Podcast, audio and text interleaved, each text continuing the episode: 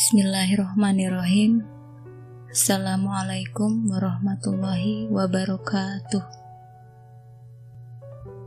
Orang-orang yang selalu disibukkan oleh urusan dunia, dia akan mendapatkan apa yang diinginkannya berupa kebahagiaan dunia.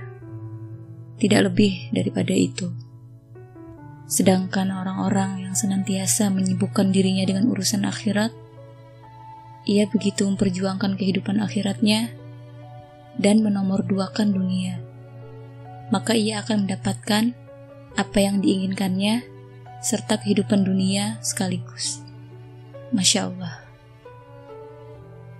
Apakah dengan begitu kita tidak diperbolehkan melakukan apa pun untuk urusan dunia?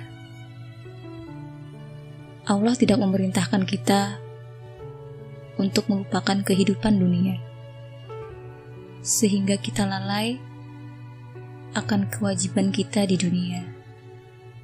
Tapi, manfaatkan kehidupan dunia sebagai salah satu jalan meraih pahala di akhirat.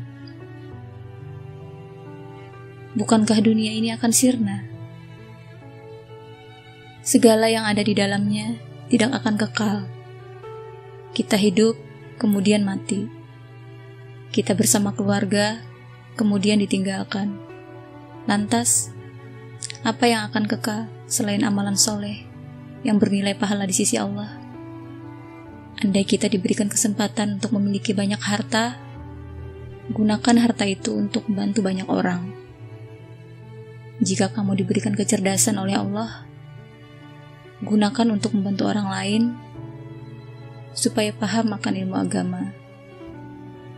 Andai Allah memberikan kesuksesan dalam berbisnis, manfaatkan untuk kepentingan banyak orang, sehingga tidak hanya kebahagiaan dunia saja yang akhirnya kamu genggam, melainkan juga pahala atas kebaikanmu kepada orang-orang di sekitarmu.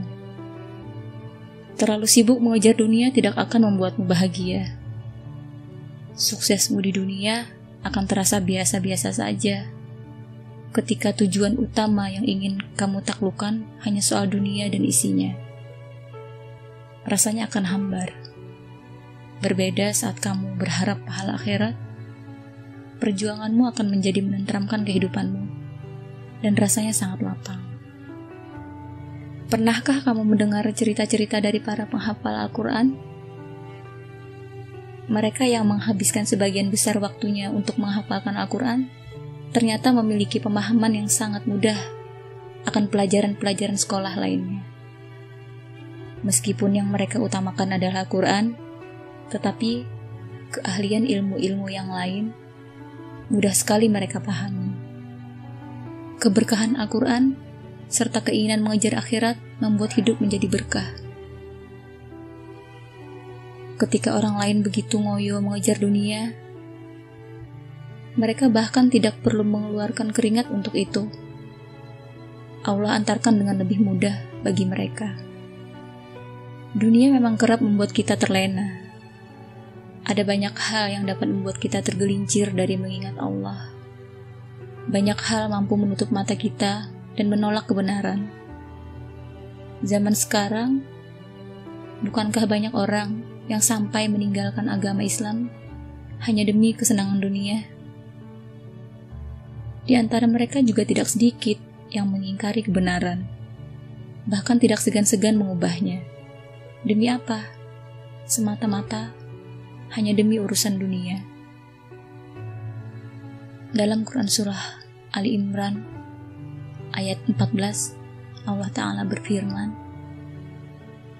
Dijadikan indah pada pandangan manusia kecintaan kepada apa-apa yang diingini yaitu wanita-wanita, anak-anak, harta yang banyak dari jenis emas, perak, kuda pilihan, binatang-binatang ternak, dan sawah ladang. Itulah kesenangan hidup di dunia, dan di sisi Allah lah tempat kembali yang baik, surga. Jangan sampai kita menjadi salah satu di antara sekian banyak orang yang terlena akan dunia dan melupakan akhirat. Raihlah kebahagiaan akhirat dengan apa-apa yang kita miliki di dunia.